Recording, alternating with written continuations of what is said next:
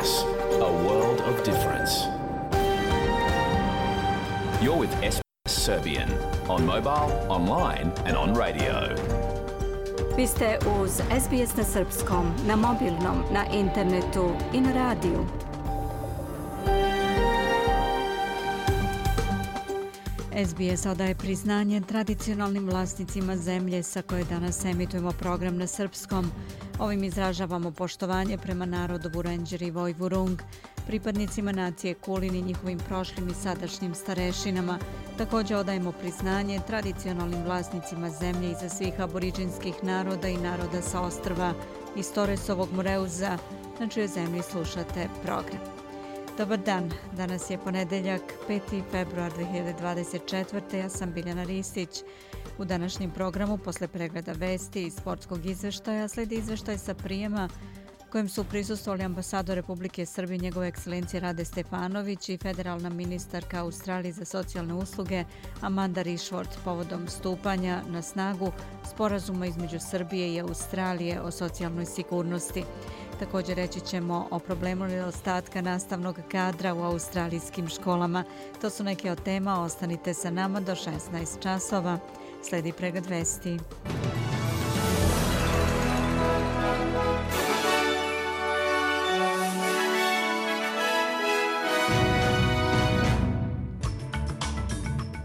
Australijski pisac Yang Hengyun osuđen na uslovnu smrtnu kaznu u Kini.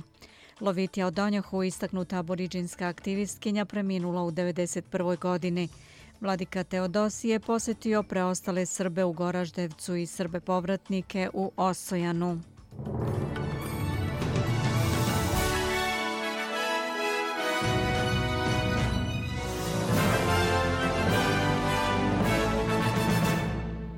Australijski pisac Yang Hengyun osuđen je na uslovnu smrtnu kaznu u Kini. Ministarka spoljnih poslova Penny Wong kaže da joj je rečeno da se ovo može promeniti u doživotni zatvor nakon dve godine.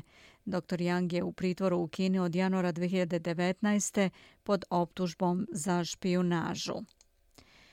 Ankete pokazuju da birači podržavaju odluku federalne vlade da unese promene u trećoj fazi poreskih olakšica kojima treba da se prepolove poreske olakšice osobama sa višim primanjima i da se omoguće veće olakšice za domaćinstva sa nižim i srednjim prihodima. Najnoviji rezultati istraživanja News Poll pokazuju da 62 od 100 glasača veruje da je premijer Albanizi napravio pravi izbor da modifikuje smanjenje poreza u trećoj fazi, iako samo 38 od 100 kaže da će im zbog toga biti bolje. Blagajnik Jim Chalmers treba da predloži zakon za reviziju poreskih promjena kada parlament nastavi rad sutra. Nezavisna senatorka Jackie Lambie rekla je za Kanal 9 da smatra da je lepo videti glasače koji podržavaju premijera. Sometimes the economic circumstances change. What these were put in four or five years ago and I made it very clear in my own speech. Ponekad se promene ekonomske okolnosti. Ove promene su definisane originalno pre četiri ili pet godina i ja sam u svom govoru koji je bio pre covid vrlo jasno stavila do znanja da ako su se ekonomske okolnosti u velikoj meri promenile, onda bismo morali da revidiramo treću fazu smanjenja poreza i upravo to se sad radi. Odaje mu priznanje što ima hrabrosti da to uradi, rekla je Jackie Lambie. Opozicija se još nije izjasnila da li će podržati promene. Australijska industrija nafte i gasa poziva vladu da iskoristi majski federalni budžet za uklanjanje ograničenja cena za sabdevanje energijom na istočnoj obali i traže oslobađanje više zemljišta za istraživanje. Industrijska grupa Australian Energy Producers se pismeno obratila vladi tvrdeći da će ove odluke sprečiti nesašice snabdevanja i obezbediti pristupačniju energiju.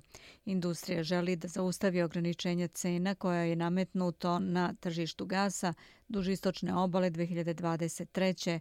pošto su cene gasa porasle nakon ruske invazije na Ukrajinu a federalna opozicija zahteva od vlade da objavi modele koji stoje iza njenih novih standarda efikasnosti goriva, tvrdeće da bi oni mogli da povećaju cenu novih automobila. Nova pravila koja će stupiti na snagu sljedeće godine stavit će Australiju na ambiciozan kurs za smanjenje emisije izduvnih gasova iz automobila za 60% do 2028. Pravila u skladu sa pravilima koja su uvedena u Sjedinjenim državama 1970-ih primoraće proizvođače da balansiraju prodaju vozila na benzin sa vozilima niske emisije ili sa nultom emisijom, a suočit će se sa kaznama ako to ne urade.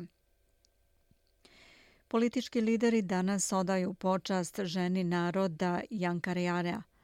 Lovitja Odonjehu je preminula u svom domu u Adelaidi u 1991. godini, a bila je poznata kao prva osoba ribiriđinskog porekla koja se školovala za medicinsku sestru, kao i po svom doprinosu lobiranju za prava domorodaca, pošto je bila osnivač komisije za aboriđine i ostravljane iz Torresovog Moreuza, poznate kao ACIC.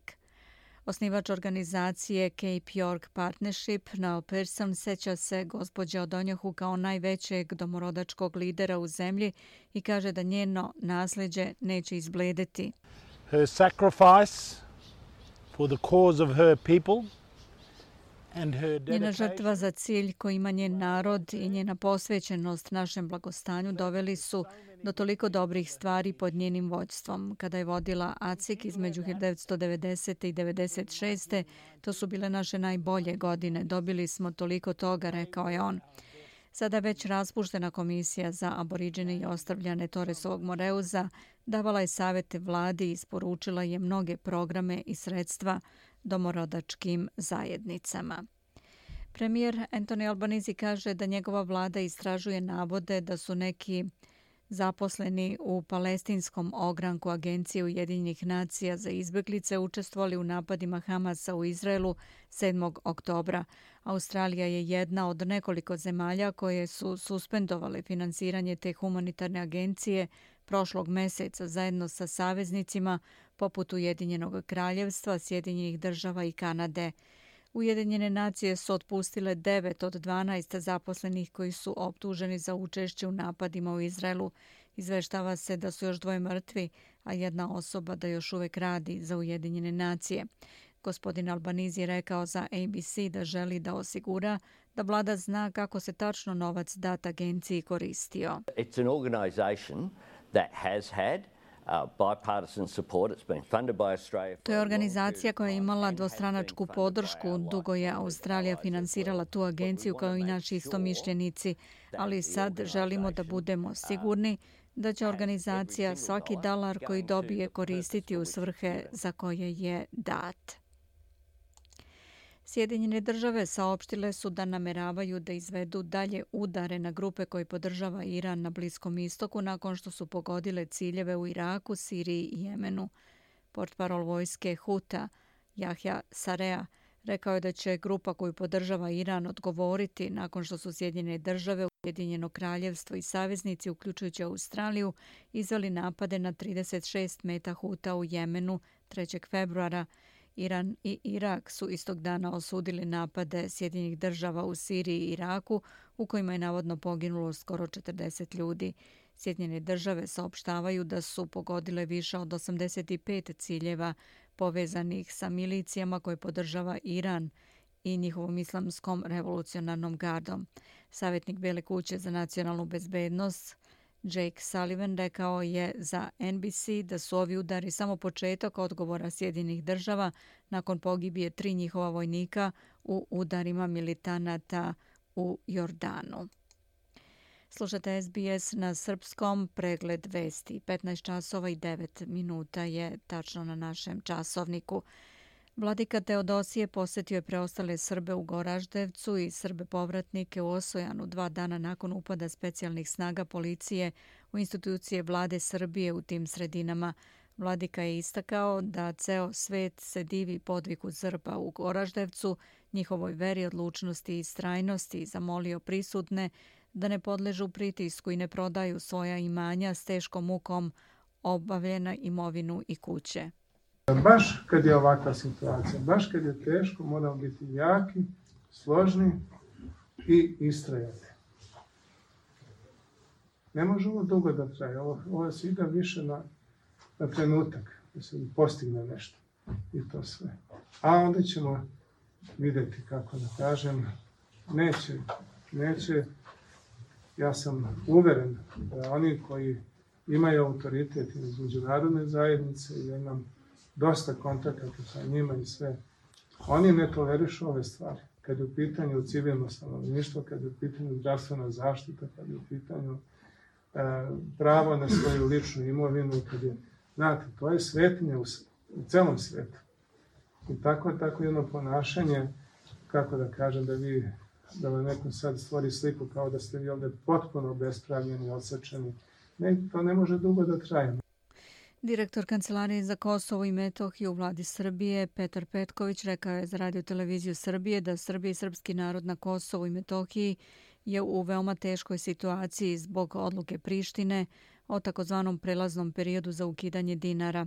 Poručio je da će misija Republike Srbije u Njujorku danas zatražiti hitno zasedanje Saveta bezbednosti Ujedinjenih nacija i da će se boriti da dobije potrebnu većinu za održavanje te sednice. Naglasio je da ohrabruje posljednje saopštenje Jeffrija Hovenijera, koji je, kako je rekao Petković, prvi put jasno i direktno spomenuo napad na srpske institucije na Kosovo i Metohiji ocenio da je važno što se Sjedinjene države tako direktno obratila od samog početka krize. Početka kada je kriza krenula, ovo je već treće njihovo saopštenje, tako da različit je ton u odnosu na sve njihova prethodna saopštenja, tako da se nadam da neće ostati samo na verbalnom nivou, već da će i Amerika preduzeti konkretne akcije po tom pitanju. Naravno, uh, Amerika neće menjati svoju politiku prema takozvanom nezavisnom Kosovu i Metohiji, ali u ovom slučaju, kada je u pitanju dakle, ukidanje dinara koje stvara humanitarnu katastrofu na Kosovu i Metohiji u srpskim sredinama, vidimo uh, drugačiju reakciju. Misija Organizacije za evropsku bezbednost i saradnju OEPS na Kosovo i Metohiji saopštila je da je od suštinskog značaja da se prava kosovskih Srba u potpunosti poštuju, dodavši da pažljivo prati odluke i akcije prištinskih vlasti, uključujući uvođenje nove uredbe o zabrani dinara, iznenadno zatvaranje ustanova koje nude socijalne ili zdravstvene usluge pripadnicima najvećinskije zajednice moglo bi imati negativan uticaj na pojedince i porodice ograničavanjem njihovog pristupa nekim osnovnim uslugama. Zaštita dobrobiti pogođenih zajednica, uključujući posebno ranjive grupe, treba da bude prioritet pre sprovođenja takvih politika ili odluka, poručuje se između ostalog u saopštenju OEPS-a objavljenom na X mreži. Broj žrtava šumskih požara koji bukte u Čileu porastao je na 99. Prethodni bilans stradalih iznosio je 64. Stotine ljudi je nestalo, saopštio je predsjednik Čilea Gabriel Borić. Pero esa cifra va a crecer. Znamo da će ta brojka rasti, značajno će porasti. Vatra napreduje veoma brzo, a vremenski uslovi koje smo imali juče i danas učinili su gašanje požara mnogo izazovnijim, rekao je predsjednik Borić. Vlasti su uvele policijski čas kako bi omogućile dopremanje hitnih zaliha u pogođena područja. Vatra je opustošila više od 40.000 hektara zemlje, uništila stotine domova i naterala hiljade ljudi da pobegnu od svojih kuća. Gospodin Borić kaže da vlasti planiraju da istraže da li je neki od požara namerno zapaljen. Da pogledamo i kolika je vrednost australijskog dolara danas prema američkom vredi 65 centi, 60 euro centi, 52 britanska penija i 70 srpskih dinara, 65 para. I na kraju ovog bloka da pogledamo i vremensku prognozu. U Pertu sunčano 28, Adelaide sunčano popodne 23, Melbourne oblačno sa prolaznom kišom tokom popodneva 21, Hobart pretežno sunčano 20, oblačno je u Kamberi sa kišnim periodima 23, oblačno u Sidneju 30, sunčano u Brisbaneu 31 i sunčano u Darwinu sa 32, u Beogradu sa sunčanim periodima čak do 16 stepeni u toku dana. Slušali ste pregled vesti na srpskom jeziku. Za sve najnovije posjetite sbs.com.au kosacrta news.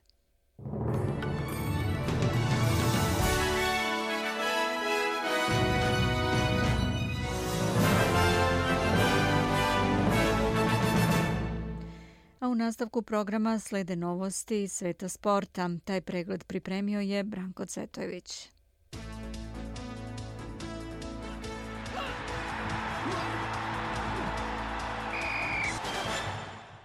Sinoć je u Kataru počelo 21. svetsko prvenstvo u Waterpolu koje se održava u okviru šampionata sveta u vodenim sportovima.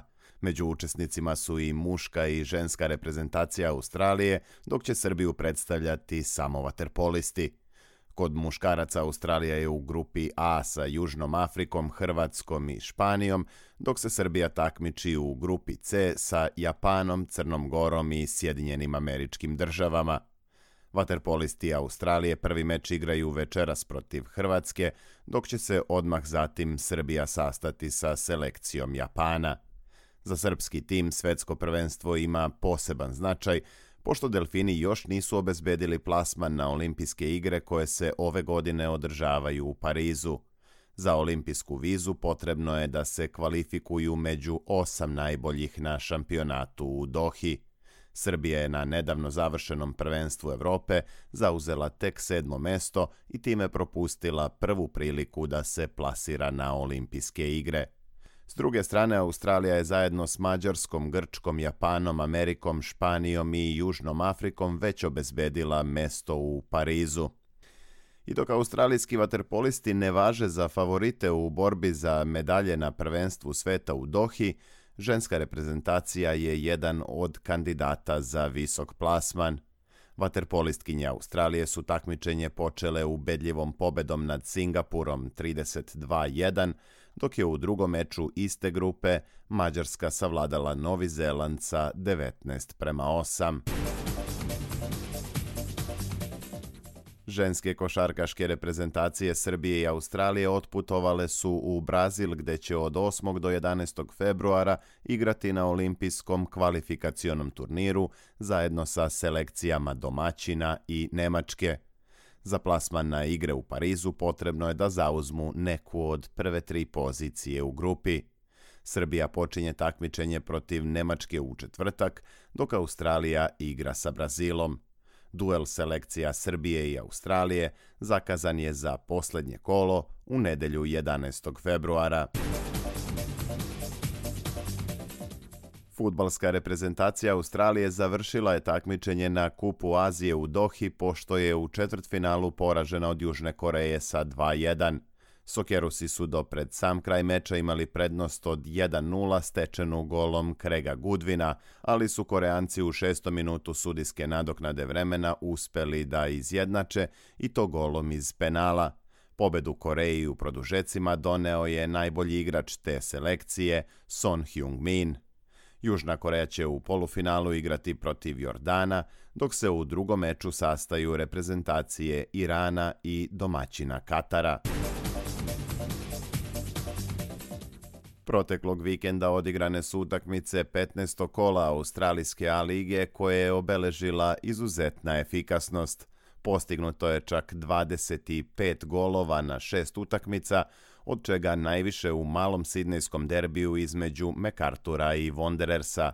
Meč je završen pobedom domaćina od 4 prema 3, a gol odluke postigao je Žermen u sudijskoj nadoknadi vremena.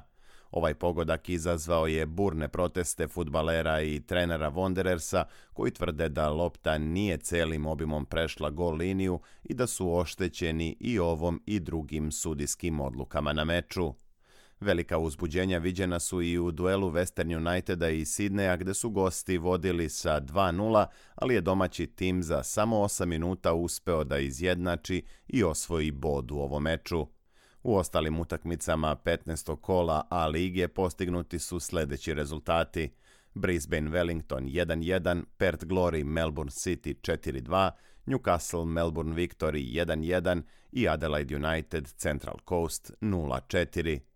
Na tabeli vodi Wellington sa 29 bodova, a u stopu ga prate Central Coast i Victory koji imaju po dva boda manje.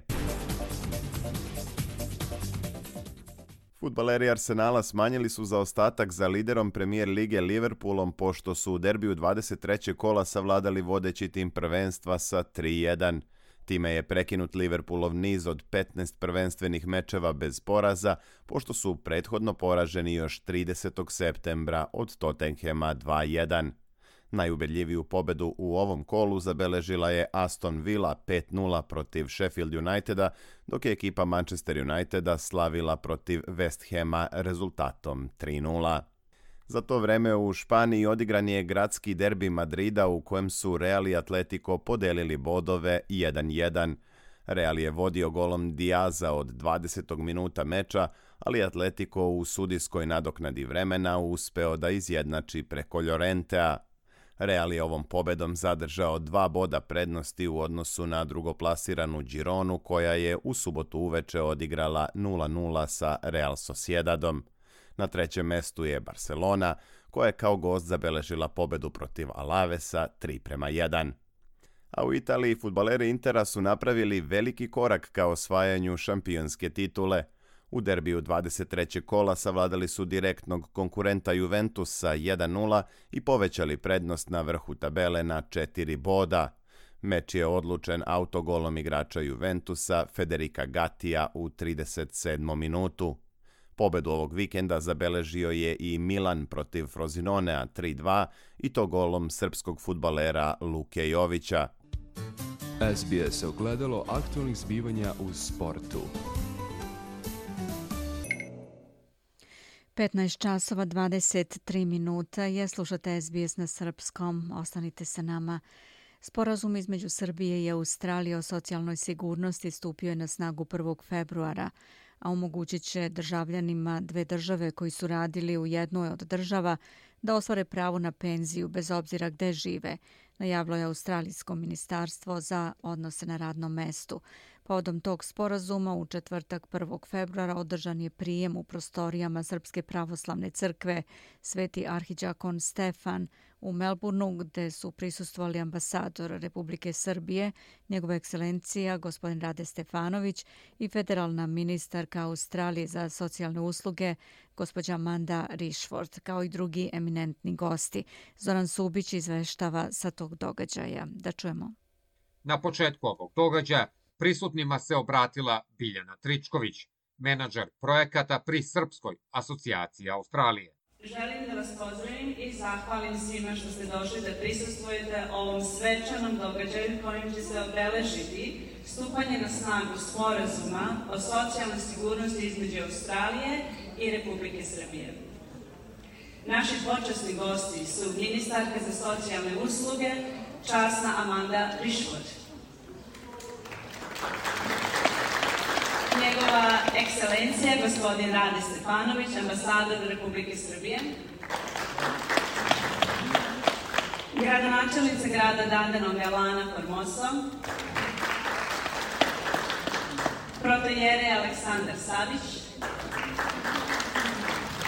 Predsjednica Udruženja Srpske zajednice Silvana Vukadinović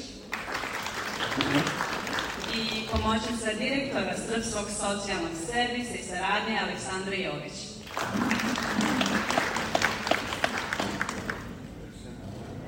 Aleksandar Savić, sveštenik pravoslavne Srpske crkve, je poželeo dobrodošlicu gostima ovog događaja.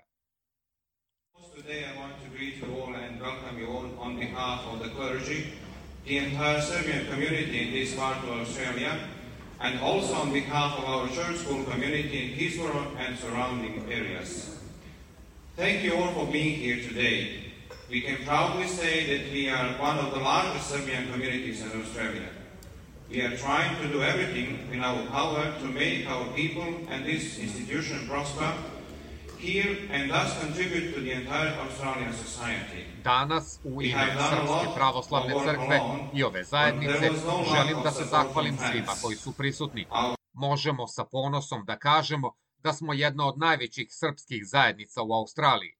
Hvala vam svima što ste danas ovde prisutni. Pokušavamo da uradimo sve što je moguće da bi pomogli prosperitetu naših ljudi i ove institucije i da doprinesemo društvu Australije sa velikom pomoći naših prijatelja.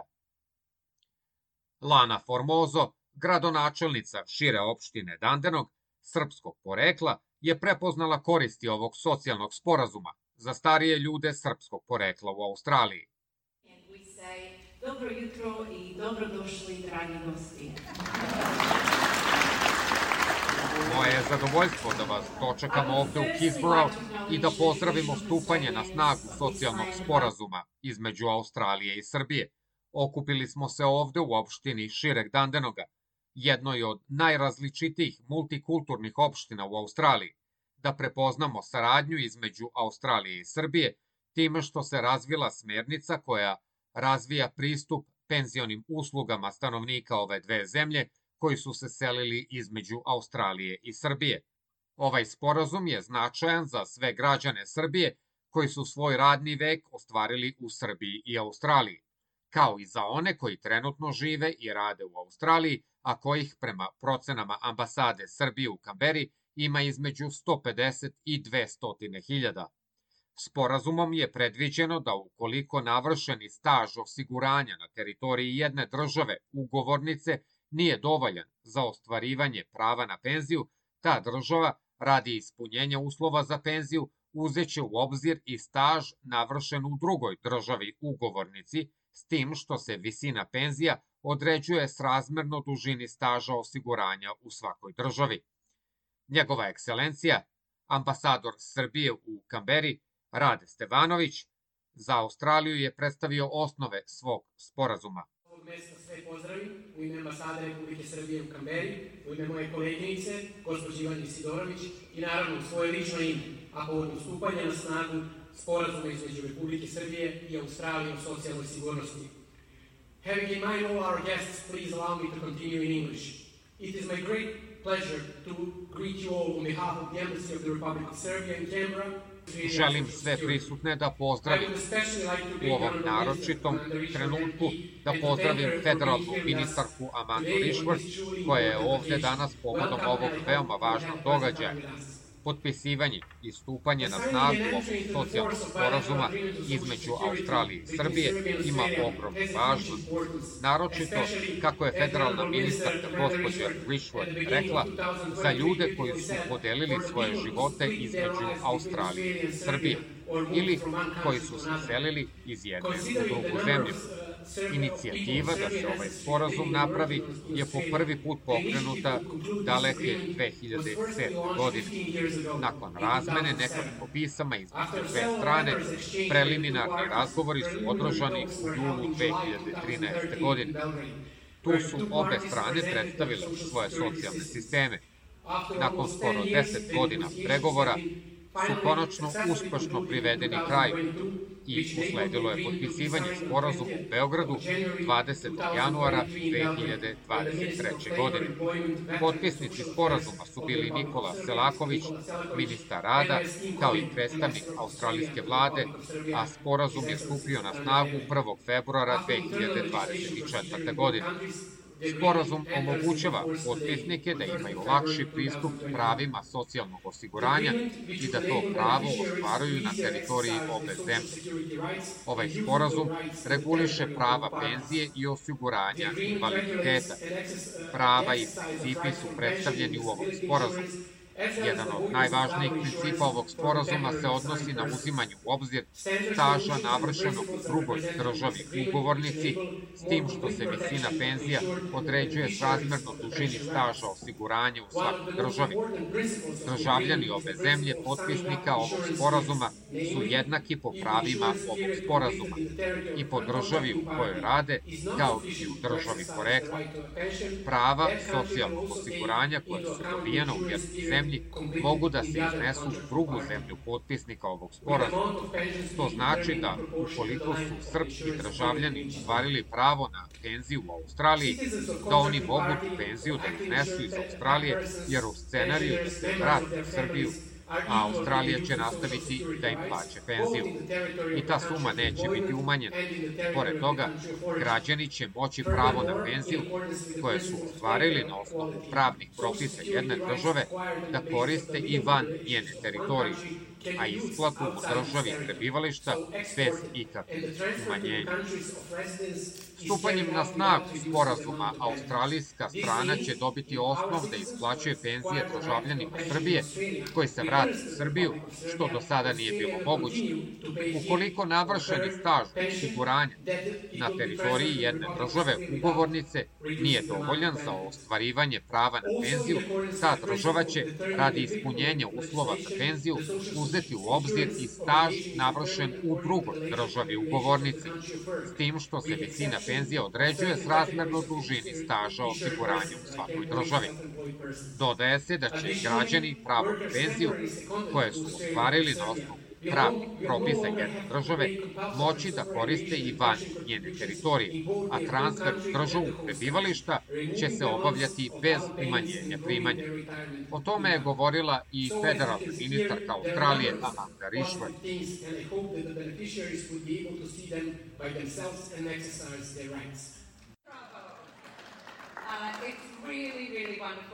Divno je biti ovde i hvala na tako toploj dobrodošlici. I ovo danas jeste proslava, jer smo ojačali naše odnose između Australije i Srbije. Mislim da imamo dosta toga da slavimo. Nakon toga, Amanda Rishford je pokazala poštovanje prema tradicionalnim vlasnicima zemlje na kojoj smo se nalazili. Zahvalila se i njegovoj ekscelenciji, ambasadoru Srbije, Rade Stevanoviću, i rekla je da su kada su pričali, shvatili da su oboje u svojim ulogama i dužnosti bili približno isto vreme, oko dve godine, a da je ovaj sporazum bio u toku skoro 10 godina i da ona i ambasador Srbije žele da misle o sebi kao ljudima koji donose rezultate, jer je sporazum finalizovan u njihovo vreme. Zahvalila se i Lani Formozo, gradonačelnici šire opštine Dendinom. Hvala vam na dobrodošlici i vašem prijemu ovde. Hvala i Aleksandru Saviću, svešteniku pravoslavne crkve, ovde koji nas je tako lepo dočekao. Želim i da prepoznam kako dobar rad je Srpska asocijacija ovde uradila, zajedno sa Asocijacijom za socijalne usluge. Događaju je bio prisutan i senator Čikoni, za koga je Amanda Rishford rekla da je šampion u multikulturnoj sferi Australije i da je tako lepo što se pridružio ovom događaju, iako je tek nedavno postao otac i provodi neprospavane noći.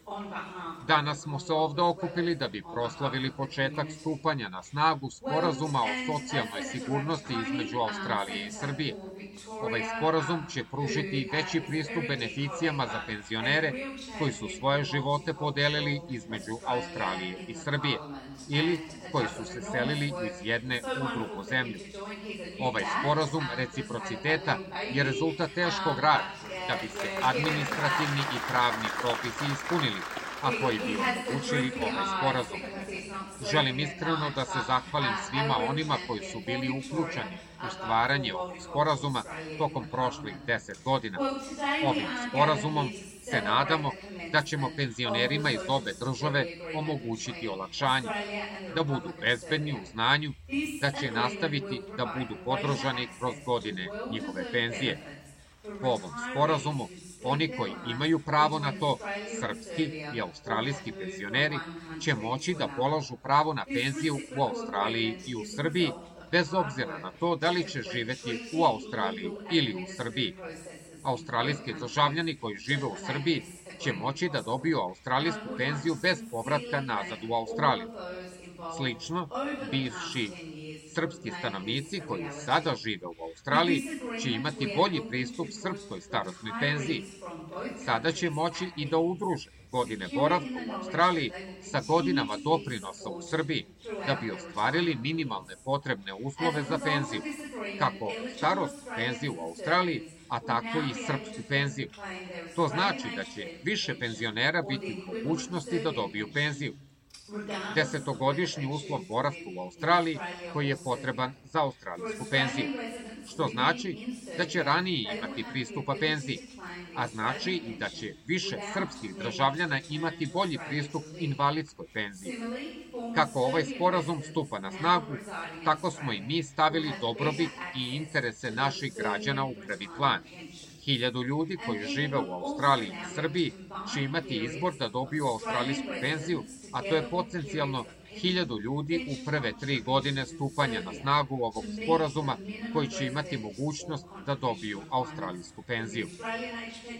That's potentially 1,000 more individuals in the first three years of this agreement Stupanjem na snagu ovog sporazuma, australijska strana će dobiti osnov da transferiše penzije srpskim državljanima koji se vrate u Srbiju, što do sada nije bilo moguće, naveli su iz Ministarstva za rad u Republici Srbiji. To znači da ukoliko se srpski državljan koji je pravo na penziju ostvario u Australiji vrati u Srbiju, Australija će mu i dalje isplaćivati penziju, odnosno obavljaće njen transfer u Srbiju bez umanjenja visine primanja. Na pitanje prisutnih da li će ovaj sporazum biti dostupan na srpskom jeziku, njegova ekscelencija, ambasador Srbije Rade Stevanović, se obratio prisutnima. Ali evo da samo da kažem ponovim ovo što sam rekao, a, dvoji postoji, znači, za, organi za vezu koji su dve države a, odredile, to su servisi Australije ovde, odnosno Zavod za penzijsko osiguranje u Srbiji, postoje dvojezični obrazci koji ulaze u primjenu, koji su zajednički izrađeni i a, takvi obrazci tekst sporazuma naravno da postoji na srpskom jeziku i da je javno isto objavljen. Jezik postoji znači dva jezika sporazuma, engleski i srpski, oba su ravnopravna. Ovaj sporazum je veoma značajan za sve srpske građane koji su radni vek ostvarili u Srbiji i Australiji, kao i za one koji trenutno žive i rade u Australiji, a kojih prema procenama ambasade Srbije u Kamberi ima između 150 i 200 hiljada. Zoran Subić pripremio je prilog koji smo čuli. Ovaj prilog biće dostupan na našoj web stranici uskoro. 15 časova 40 minuta. Ostanite sa nama. Sledi tema iz Srbije. CESID je u septembru 2023. obavio sveobuhvatno istraživanje o mladima u Srbiji koje pokazuje ko ima najveći uticaj na njih, da li veruju u demokratiju i u koje institucije imaju poverenja. Također mladi su odgovarali na osetljiva pitanja kao što su služenje vojnog roka, stav o učešću u eventualnim ratnim sukobima, kao i zabrinutost za sobstvenu budućnost. Koliko se dobijeni rezultati podudaraju s ranijim istraživanjima i da li se stavovi mladih u Srbiji menjaju, pitamo našu saradnicu iz Srbije, Miju Nikolić. Mija, dobar dan, recite nam više. E, Biljana, mladi Srbije su ambiciozni, pozitivno raspoloženi i u slozi sa svojom porodicom.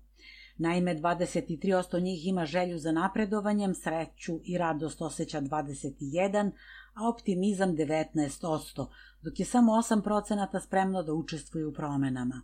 Većina mladih, njih 47% slaže se sa roditeljima, iako im se mišljenja ponekad razlikuju.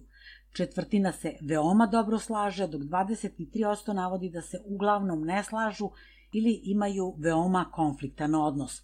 Na važne odluke mladih najveći utica imaju bilo oba roditelja, bilo jedno od njih, ukupno 69%.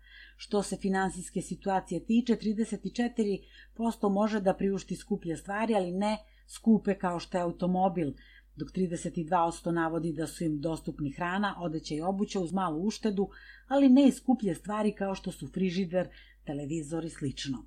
Samo 15% je odgovorilo da mogu da priušte sve što žele, 12% može da kupi hranu, ali ima problem sa kupovinom odeće i obuće, a 1% ne može da priušti hranu. Zbirno, manje od polovine mladih u Srbiji se slaže ili se u potpunosti slaže sa sledećim tvrdnjama. Da se treba čvrsto držati narodnih običaja i tradicije, zbirno 44%, onog morala koji propoveda njihova verska zajednica, zbirno 46%, da ovoj državi treba jak vođa koga će narod slediti bez pogovora, zbirno 33% da nam zbog mešanja različitih kultura preti opasnost da izgubimo identitet, zbirno 35%. S druge strane, sa tvrdnjom da decu treba vaspitavati u strogoj disciplini i sa fizičkim kažnjavanjem, uopšte se ne slaže ili se ne slaže uglavnom zbirno 61% mladih. Sa tom tvrdnjom se slaže ili uglavnom slaže 35% njih. Najveći procenat mladih navodi da je religiozno, ali da ne prihvata sve čemu ih njihova vera uči, 36%, dok 19% kaže da su uvereni vernici koji potpuno prihvataju sva učenja svoje vere. Nisu načisto da li su vernici ili ne, ne razmišljaju o re religioznosti, ali nemaju ništa protiv religije, zbirno 27%, dok se religiji protivi 2%, a 7% nema stav. Što se osjećaja bezbednosti tiče u svom komšiluku se bezbedno ili uglavnom bezbedno osjeća 70% mladih, u svom gradu 62%, a u Srbiji 54% njih, dok se u našoj zemlji 42% osjeća ni bezbedno, ni nebezbedno, uglavnom nebezbedno i veoma nebezbedno. Gotovo polovina mladih, to je 48%, veruje da se može jedino u sebe i svoju porodicu pouzdati da im zaštite bezbednost. U policiju se uzda 21%, u institucije svega 4%, a isto toliko u vojsku i komšiluk. Bliskim prijateljima u tom smislu veruje 7%, lokalnoj vlasti svega 2%, a verskoj zajednici 1%. Rad državnih institucija na osiguravanju bezbednosti 72 mladih ocenjuje prosečnom ocenom 2,5. Po 5 njih smatra da rade malo ili da ne rade ništa, 4 da rade mnogo i 2 da rade veoma mnogo. Najveći procenat mladih, čak 73 nije bilo izloženo nekoj vrsti nasilja tokom svog školovanja, 21% je bio izložen verbalnom ili psihičkom nasilju, a 9% ispitanika se suočilo sa fizičkim nasiljem.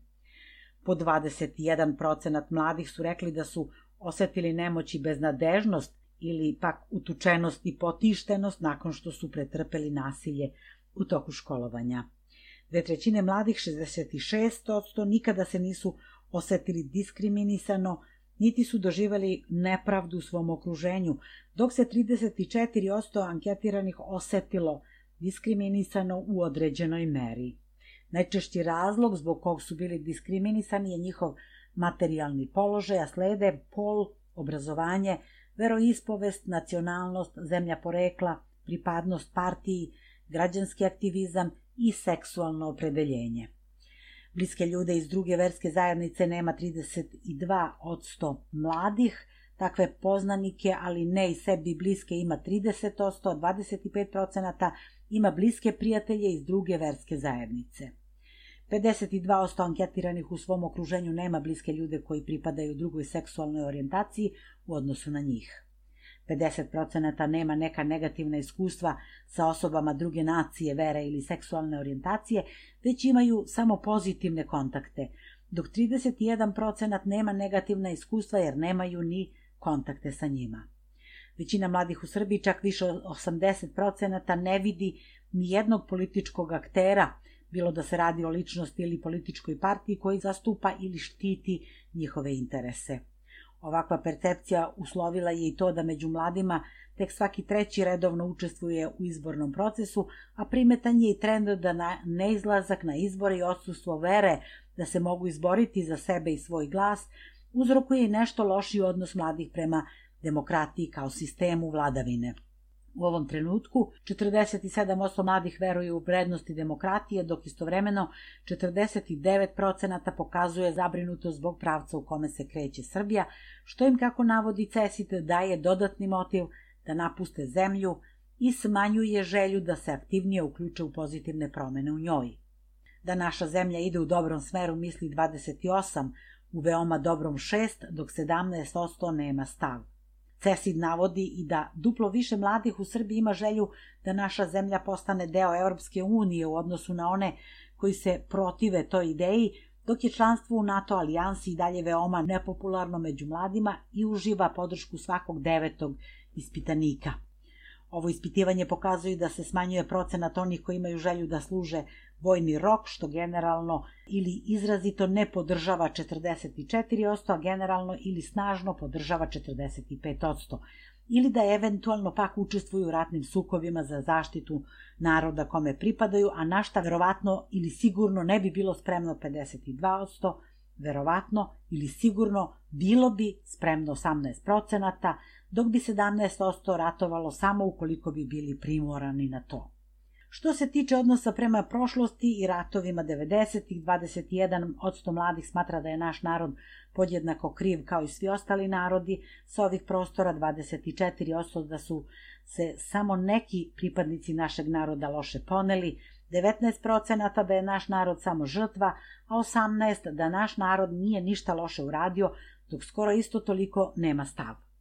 Kada je reč o aktuelnoj temi rešavanja sudbine Kosova i Metohije, Ulazak u oružani sukob radi rešavanja ovog pitanja podržava tek svaki peti ispitanik, ali najveći procenat, 24%, i dalje veruje da će ono ostati u sastavu Srbije. 20% pak misli da će Kosovo biti nezavisno, a 19% da nas čeka dugogodišnji zamrznuti konflikt. Za rat u Ukrajini 27% krivi Sjedinjene američke države, isto toliko mladih ne može da proceni, 15% okrivljuje NATO, po 3% Evropsku uniju i Veliku Britaniju, 13% Rusiju, a 12% samo Ukrajinu. Instagram je prvi medij koji mladi ujutru otvore, o društvenim temama se informišu na RTS-u i prvoj 23 i 20%, Blicu i N1 po 14%, 45% reality programe prate ređe od jednom nedeljno, a 68% se slaže ili potpuno slaže da država treba da zabrani ovaj TV format. 54% smatra da su povremeno ili redovno izloženi govoru mržnje sa medija, da se to dešava redko, misli 20%, dok 17% ne može da proceni, a 9% ne prati medije. Studio? I toliko za danas. Hvala Mija. Bila je to naša stalna saradnica iz Srbije, Mija Nikolić. Ostanite sa nama. 15 časova, 49 minuta i 40 sekundi je tačno na našem časovniku. Širom Australije đaci su ponovo u školskim klupama. Istovremeno prosveta u Australiji se suočava sa problemom nedostatka nastavnika i na federalnom i na državnim nivoima, Učinjeni su određeni napori da se situacija popravi, ali i pored toga ova školska godina je počela s nedovoljnim nastavnim kadrom sprem broja škola i učenika. Opširnije reći će nam Branko Cvetojević. Početak nove školske godine teče u znaku sada već hroničnog nedostatka nastavnog kadra, usled kojeg u mnogim obrazovnim ustanovama imaju velike probleme da popune pozicije ne samo stalno zaposlenih prosvetnih radnika sa punim radnim vremenom, već i onih sa privremenim zaposlenjem. Najteža situacija je u Novom Južnom Velsu, mada se i u ostalim državama i teritorijama suočavaju sa značajnim deficitom učitelja i nastavnika. Rezultat ovako kritičnog stanja na nacionalnom nivou primorao je uprave mnogih škola da se okrenu ka penzionisanim nastavnicima, nudeći im privremeno, pa čak i stalno zaposlenje. Među više hiljada onih koji se vraćaju u učionice je i penzionisani nastavnik Terry Moriarty, koji kaže da situacija nije bila ovakva na početku prošle godine. Moriarty kaže da poznaje mnoge kolege sličnih godina koje su prihvatile da se vrate i dodaje da niko od njih nije iznenađen pozivom iako su mislili da će u tom životnom dobu već i definitivno završiti sa držanjem nastave. Terry Moriarty se penzionisao još 2008. godine posle nešto više od pola veka rada kao nastavnik matematike. Danas sa 75 godina prihvatio je da se vrati na posao kao ispomoć sa povremenim zaposlenjem u školi. Zamolili su me da sedim u biblioteci s još jednim nastavnikom i da radim 3 do 4 časa dnevno, da vodim računa da je u biblioteci sve kako treba. Pored toga povremeno imam i po 4 časa u učionici kada situacija postane kritična i tako je već nekoliko poslednjih godina, kaže ovaj nastavnik. Prema najnovim izveštajima o stanju u australijskim školama, samo u Novom Južnom Velsu trenutno je upražnjeno skoro 2000 radnih mesta za nastavnike sa punim radnim vremenom. Nedostatak nastavnog kadra najočigledniji je u regionalnim oblastima – Istraživanje instituta E61 otkriva značajne razlike u mogućnosti da se angažuju nastavnici sa visokim sposobnostima, naročito u srednjim školama Novog Južnog Velsa. Podaci ukazuju na to da je manja verovatnoća da će neko od njih biti zaposlen u ugroženim područjima. Najviše nedostaju nastavnici za ključne predmete kao što su matematika, engleski i prirodne nauke, a trenutno čak 175 srednjih škola u ovoj državi traži nastavnike engleskog i matematike, što najbolje govori o razmerama trenutne krize. Judith Wood je zaposlena u jednoj od državnih škola u Novom Južnom Velsu i kaže da je iznenađena ovakvim stanjem. Nastavnica Wood kaže da nije videla ništa slično za 39 godina karijere, od kojih je 25 provela u Australiji. Ona navodi da mnogi njene kolege čak i u ranom periodu karijere ili na sredini radnog veka napuštaju profesiju ili se odlučuju da odustanu od punog radnog vremena i prelaze na manji fond sati jer stres koji osjećaju počinje da utiče na njihovo zdravlje i blagostanje. I upravo je iscrpljenost zbog obima posla najčešća pritužba koju imaju mnogi prosvetni radnici. Studentkinja završne godine učiteljskog fakulteta iz Viktorije, Chelsea Roberts, kaže da je tokom svog nedavnog stažiranja u jednoj školi u regionalnoj Viktoriji videla pod kolikim opterećenjem su nastavnici. Možete to nazvati naivnim, ali mi mladi ulazimo u profesiju sa nadama i snovima, ali kada vidite da vam je mentor istrošen obimom posla, uočavate i kako su došli do te tačke – To me nateralo da razmislim da li će mi kada počnem da radim posao oduzimati i moje slobodno vreme kod kuće, da li ću imati dodatne obaveze i više časova, jer se mnoge nastavničke pozicije ne popunjavaju, kaže Roberts. Nastavnici u Novom Južnom Velsu su prošle godine dobili povišice, čime su postali najbolje plaćeni prosvetni radnici u zemlji. Također ponuđene su im i stipendije Savezne vlade, razni grantovi i popusti na studentski HEX kredit kako bi se više mladih privuklo u ovu profesiju. Međutim, i pored toga, Savezna predsjednica Australijskog sindikata obrazovanja Corina Haytorp kaže da je potrebno učiniti više. Mnogi nastavnici kažu da im je dosta jer više ne mogu da rade po 56 sati nedeljno, a složeno situacije sa učenicima kojima se ne pruža dovoljna podrška nastavlja da raste, kaže ona. S druge strane, port parol Ministarstva obrazovanja uverava da se ulažu napori kako bi se ova situacija olakšala. Australija ima nedostatak nastavnika koji se stvara od 10 godina i bit će potrebno vreme da se to popravi. Zarade su deo tog problema, ali i opterećenje poslom kao i obuka nastavnika – Ministri obrazovanja složili su se sa nacionalnim akcionim planom za radnu snagu u prosveti koji uključuje 337 miliona dolara finansiranja od strane Savezne vlade.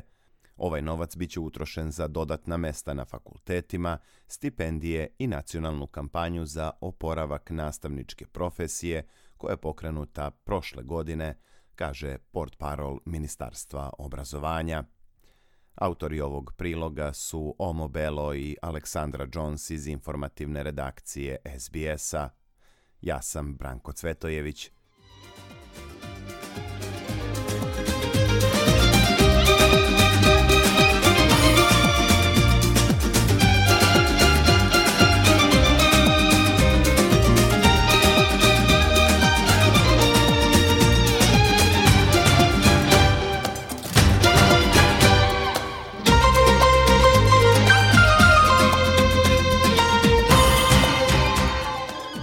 Time završavamo današnji program. Sljedeća emisija na srpskom je sutra u 15 časova. Pridružite nam se. Da podsjetimo, program možete slušati na internetu, uživo ili po pozivu. Posjetite sbs.com.au kosacrta srbijen ili na vašem telefonu ako preuzmete SBS audio app. Na Facebooku naš profil je SBS Srbijen. Sa vama je danas bila Biljana Ristić. Ja vam želim prijatan ostatak ovog 5. februara 2024. Doviđenja i do slušanja sutra u 15 časova. Želite da čujete još priča poput ove? Slušajte nas na Apple Podcast, Google Podcast, Spotify ili odakle god slušate podcast.